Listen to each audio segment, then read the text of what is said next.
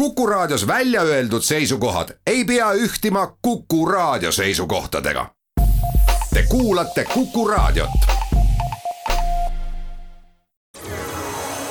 loodusajakiri, vaata ka looduseajakiri.ee. tere kõigile kuulajatele. Kuku raadio stuudios tervitavad teid Martin Tikk Eesti Loodusest, tere sulle, Martin! tervist! mina olen saatejuht Tiia Rööp meil on Martiniga plaanis tutvustada teile täna ajakirja Eesti Loodus juulinumbri sisu ja selle numbri keskseks teemaks on loodusvaatlused. juba rubriik Kuu looduses annab vihjeid, keda oleks hea näiteks just nimelt juulikuus vaadelda. heinakuu toob suveharja ja see tähendab seda, et peaks olema metskitse jooksuaeg, kurvitsad alustama rännet just nimelt juulikuus, vesiroosid ja vesikupud peaksid õitsema hakkama ja angervaks ja põdrakanep juba õitseb. Need on minu vaatlusandmed. jah, kinnitan, esimesed angervaksad on ka juba korjatud ja kuivavad rõõmsalt aknalaual. eks looduses juba ongi nüüd nii, et äh, jaanipäev ja suvine pööripäev on möödas, aasta on äh, nihkunud oma teise poolde ja suuremad sellised äh, nii-öelda uue põlvkonna kasvatustööd looduses on juba lõppemas ja toimub siis äh, aegamisi selline sügiseks äh, valmistumine, ehk siis kas äh, viljumine või siis poegade ettevalmistamine rändeks näiteks. lehitseme ajakirja Eesti Loodus juulinumbrit edasi siit leiab väga hea graafilise ülevaate vanematest ja tuntumatest looduse uurimise jaamadest Euroopas, samuti ka Eesti bioloogia ja uurimisjaamadest, välibaasidest ja keskustest. Martin, mitmes nendes Eesti looduses ära märgitud bioloogia uurimisjaamast või keskusest, mitmes sina käinud oled? mul oli ka tõesti esmakordselt Äh, kõik need äh, ägedad äh, keskused korraga silme ees ja esmapilgul silmadega üle lastes tundus, et enamikus on küll parasjagu aega veedetud. kõige rohkem tõenäoliselt erinevates lindude rõngastamisega seotud jaamades, kas siis Kablis või, või Võrtsjärve põhjakaldal Vaiblas, aga ka laelatul ja puhtus, mis on siis äh, nii-öelda Eesti äh, botaanilise rikkuse südamed. sa oled külastanud paljusid meie bioloogia ja uurimisjaamasid, kuidas sulle tundub, kas need jaamad on pelgalt ainult teadlastele, erialainimestele või, või on oodatud ka lihtsalt huvilised läbi astuma? Mm, jah, need äh, jaamad, mis üle Eesti paiknevad, mõned on küll rohkem lukkude ja riivide taga, aga on ka paiku, mis tegelikult jäävad äh, pooljuhuslikult meie teedele.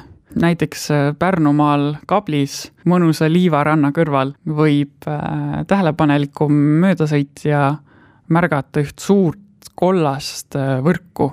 tegemist on ühe linnumurraga, kust siis sügisel püütakse ja rõngastatakse linde ja, ja seal on ka väike linnujaam, mis on tegelikult augusti lõpust kuni peaaegu oktoobri lõpuni äh, töös, nii et kui sinnakanti satute, siis kindlasti äh, tasub teha väike peatus, koputada rõõmsalt uksele ja, ja vahest on ka võimalik äh, mõnda lindu rõngastada näiteks. ja nüüd suviti on vilgas töö käimas Vaibla linnujaamas, kus siis noored linnuhuvilised on ise linnuvõrgud üles pannud ja varahommikust hilisõhtuni käivad äh, linde rõngastamas. Ja ka nemad teevad äh, rõõmsatele huvilistele väikesi tuure ja tutvustavad oma tööd. nii et äh, kindlasti tasub läbi käia, kui mõni vabam hetk on.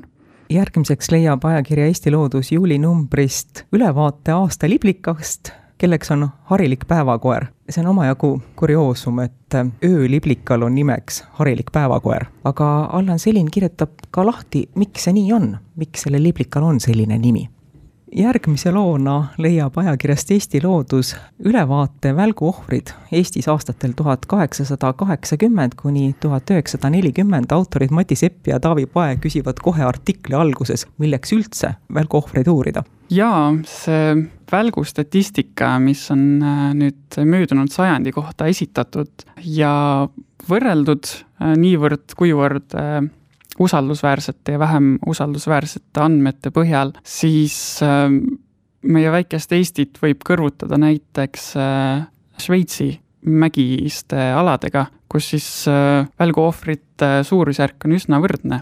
Ja kui minna rohkem süvitsi ja vaadata, kuidas siis on ikkagi nii läinud, et äh, igal aastal on ikkagi möödunud sajandil äh, välguohvreid olnud, on artikli autorid välja toonud äh, kaks peamist põhjust. esiteks see, et tegelikult ju umbes sajand tagasi oli Eestimaa küllaltki lage, võrreldes siis praegusega, ja välgul on lagede peal palju lihtsam tabada mõnd objekti, mis siis äh, viibki kohe teise põhjuse juurde, et äh, toona oli eestlaskond äh, suuresti ikkagi maarahvas ja hajali põllul toimetades lagede peal ongi välguga pihta saamine palju tõenäolisem, kui, kui seda nüüd siis hiljem. järgmiseks kirjutab botaanik Ott Luuk uue taimeatlase uuest ajastust Ott Luuk on taimeatlase toimkonna ideoloog ja, ja üks asi, mis minul sellest artiklist pani mõtteid rohkem liikuma, on see, et me teame, et meie taimestik muutub ja kuidagi lihtne on alati tuua põhjenduseks tõsta esile kliimamuutusi, aga Ott Luuk ütleb, et kliimamuutused on üks asi, aga elupaikade kadumine on tegelikult see, mille pärast me peaksime muretsema. jah, olen Otiga nõus, et elupaikade muutumine ja kadu on suuresti tingitud sellest, et äh, inimene lihtsalt toimetab teisiti ja kuna taimede elukohad muutuvad tihtipeale kiiresti, on äh, botaanikute ülesanne pidevalt jälgida, kuidas ja missugust mõju avaldab see siis äh, taimedele, liigilisele mitmekesisusele, aga ka ühe taimeliigi isendirohkusele üks väga hea vaatluste abivahend on binokkel ja Martin Vällik ta õpetab Tallinna Inglise kolledžis füüsikat, teeb ülevaate sellest, kuidas valida binoklit. eks see lugu kätkeb endas ka füüsikatundi. eks ta on ju suuresti optiliste läätsede kogum ja üsna keerukas süsteem tegelikult, äh, pealtnäha lihtne binokkel. ja eks nii-öelda tõsisematel loodusvaatlejatel ongi erinevateks puhkudeks erinevad binoklid. eks see lõbu on lihtsalt üsnagi kallis, aga mis võib-olla on kõige olulisem, on ikkagi see, et uut binoklite ostes kindlasti katsetada hästi palju, vaadata kaugele, pikalt, kas moodustub ühtne tervikpilt, vaadata lähedale, katsetada erinevaid tingimusi ja, ja seejärel teha see otsus, et minul kui linnuvaatlejal on näiteks väga oluline ka see, et binokli fookusteravus on ka võimalikult lähedal. Et näiteks lugeda varasemalt rõngastatud linde, et eks igaühel on omad, omad konkreetsemad eesmärgid ja seda tuleb kindlasti binoklit ostes meeles hoida. loodusajakiri, vaata ka looduseajakiri.ee Kuku raadio stuudios on Martin Tikk ajakirjast Eesti Loodus ja saatejuht Tiia Rööp. me jätkame ajakirja Eesti Loodus juulinumbri tutvustamist rubriigis Abiks õpetajale kirjutatakse sellest, kuidas valguse abil looduse detaile vaadelda. väga infotihe ülevaade valgusmikroskoopia ajaloost ja siis tuleb taas jälle füüsika, sellepärast et ilma füüsikata ei saa mitte kuidagi kirjeldada ja mõista, mismoodi mikroskoop töötab. jah, on tegelikult äh, huvitav ka kooliõpilasena mõelda, et äh, erinevates praktikumides on nii palju neid äh, erinevaid mikroskoope kasutatud ja, ja see maailm, mis avaneb tänu nendele võimalustele, on tõesti üllatusi täis. ja nüüd tagantjärele lugedes ka lähemalt, et missugune tohutu detailne süsteem on seal taga ja, ja kuidas on arenenud ja, ja mis äh, uued võimalused teaduses on see välja toonud, et, et see on tõesti väga põnev ülevaade mikroskoopidest. Läheme edasi, läheme selle rubriigi juurde, mida sina Eesti looduses kirjutad. tegutse teadlikult ja siin sa vahendad igapäevaste loodusvaatlejate kogemusi. jah, sel korral võtsin ette äh, nii-öelda kogemuslood äh, inimestelt, kes siis äh, regulaarselt ja teadlikult äh, viibivad looduses ja ka keskenduvad siis sellele, mis nende ümber on. välja on toodud erinevaid paiku, kus siis äh, näiteks käiakse kord kuus või kord igal aastaajal ja sinna paika minek ja seal viibimine ja just see korduvus, see regulaarsus äh, avastab äh, nii erinevaid tahke loodusest, mida muidu on raske märgata. ja kui artiklis on suuresti välja toodud paigad, kuhu peab eraldi minema, siis tegelikult olen täiesti kindel, et meie igaühe kooliteel või koduteel või, või õhtul trenni minnes ähm, jäävad äh, sinna kas mõned äh, puud, mingi äh, murulapike, mõni süngem metsatukk.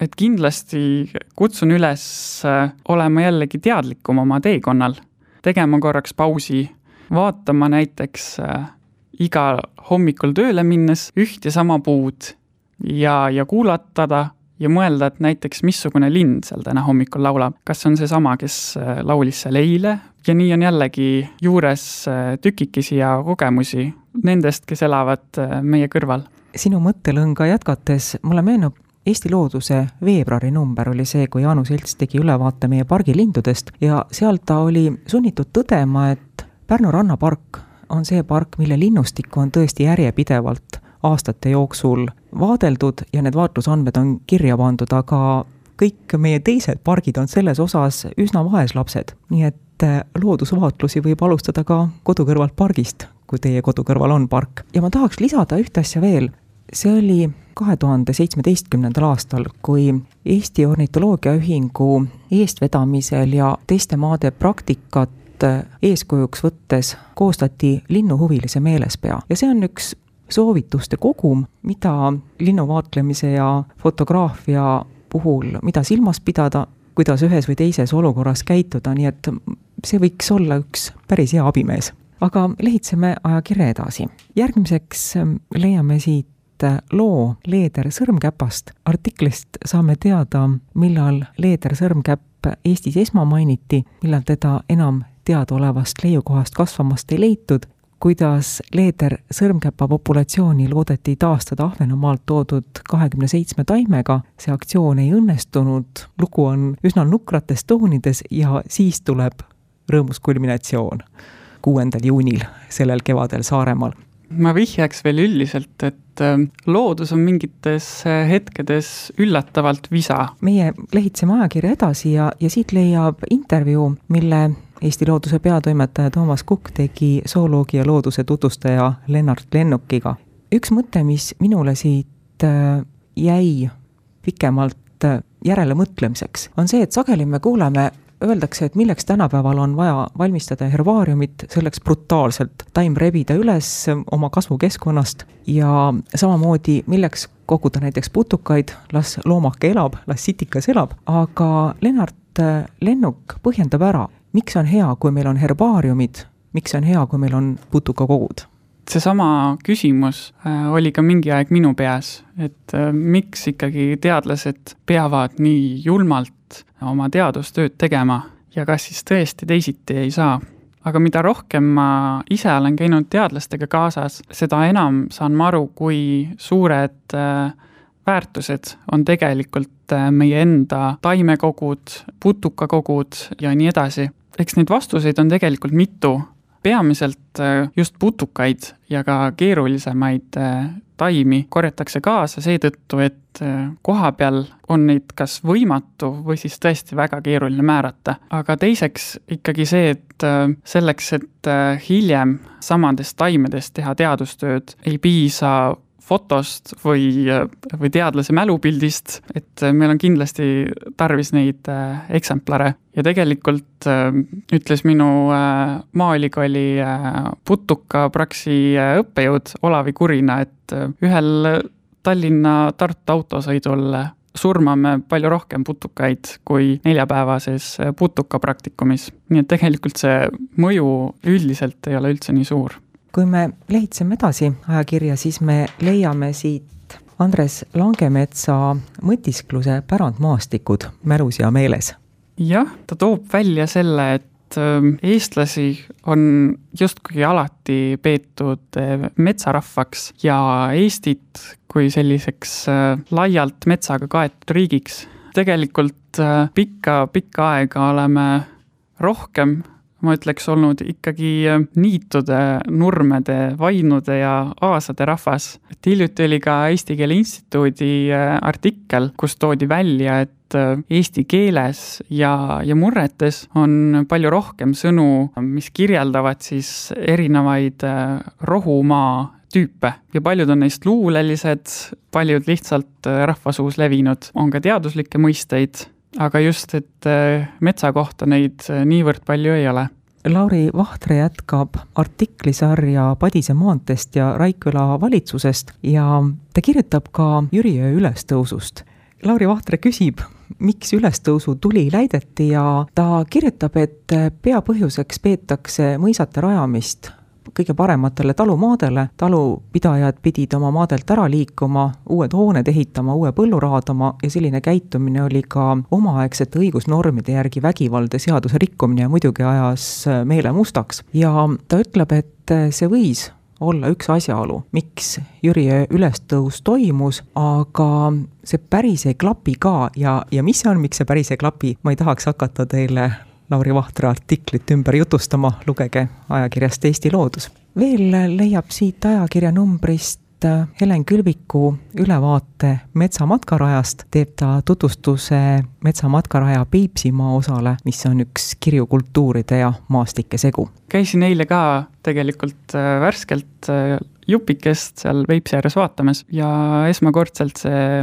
metsamatkaraja silt ka päriselt rajale ette jäi, nii et väga soovitan, et aitab suunata matkaalist vahest rohkem sinna, kuhu võib-olla niisama mööda jalutades ei satuks. me jõudsime suurematest artiklitest äh, ülevaate anda, aga ajakirja Eesti Loodus pea kaheksakümnel leheküljel on veel palju lugemist lisaks sellele, millest me rääkida jõudsime. aitäh, Martin Tikk, et sa tulid saatesse külla, aitäh, et sa aitasid ajakirja tutvustada. aitäh kutsumast. saatejuht Tiir Ööp tänab kõiki, kes kuulasid, ilusat suve jätku loodusajakiri, vaata ka looduseajakiri.ee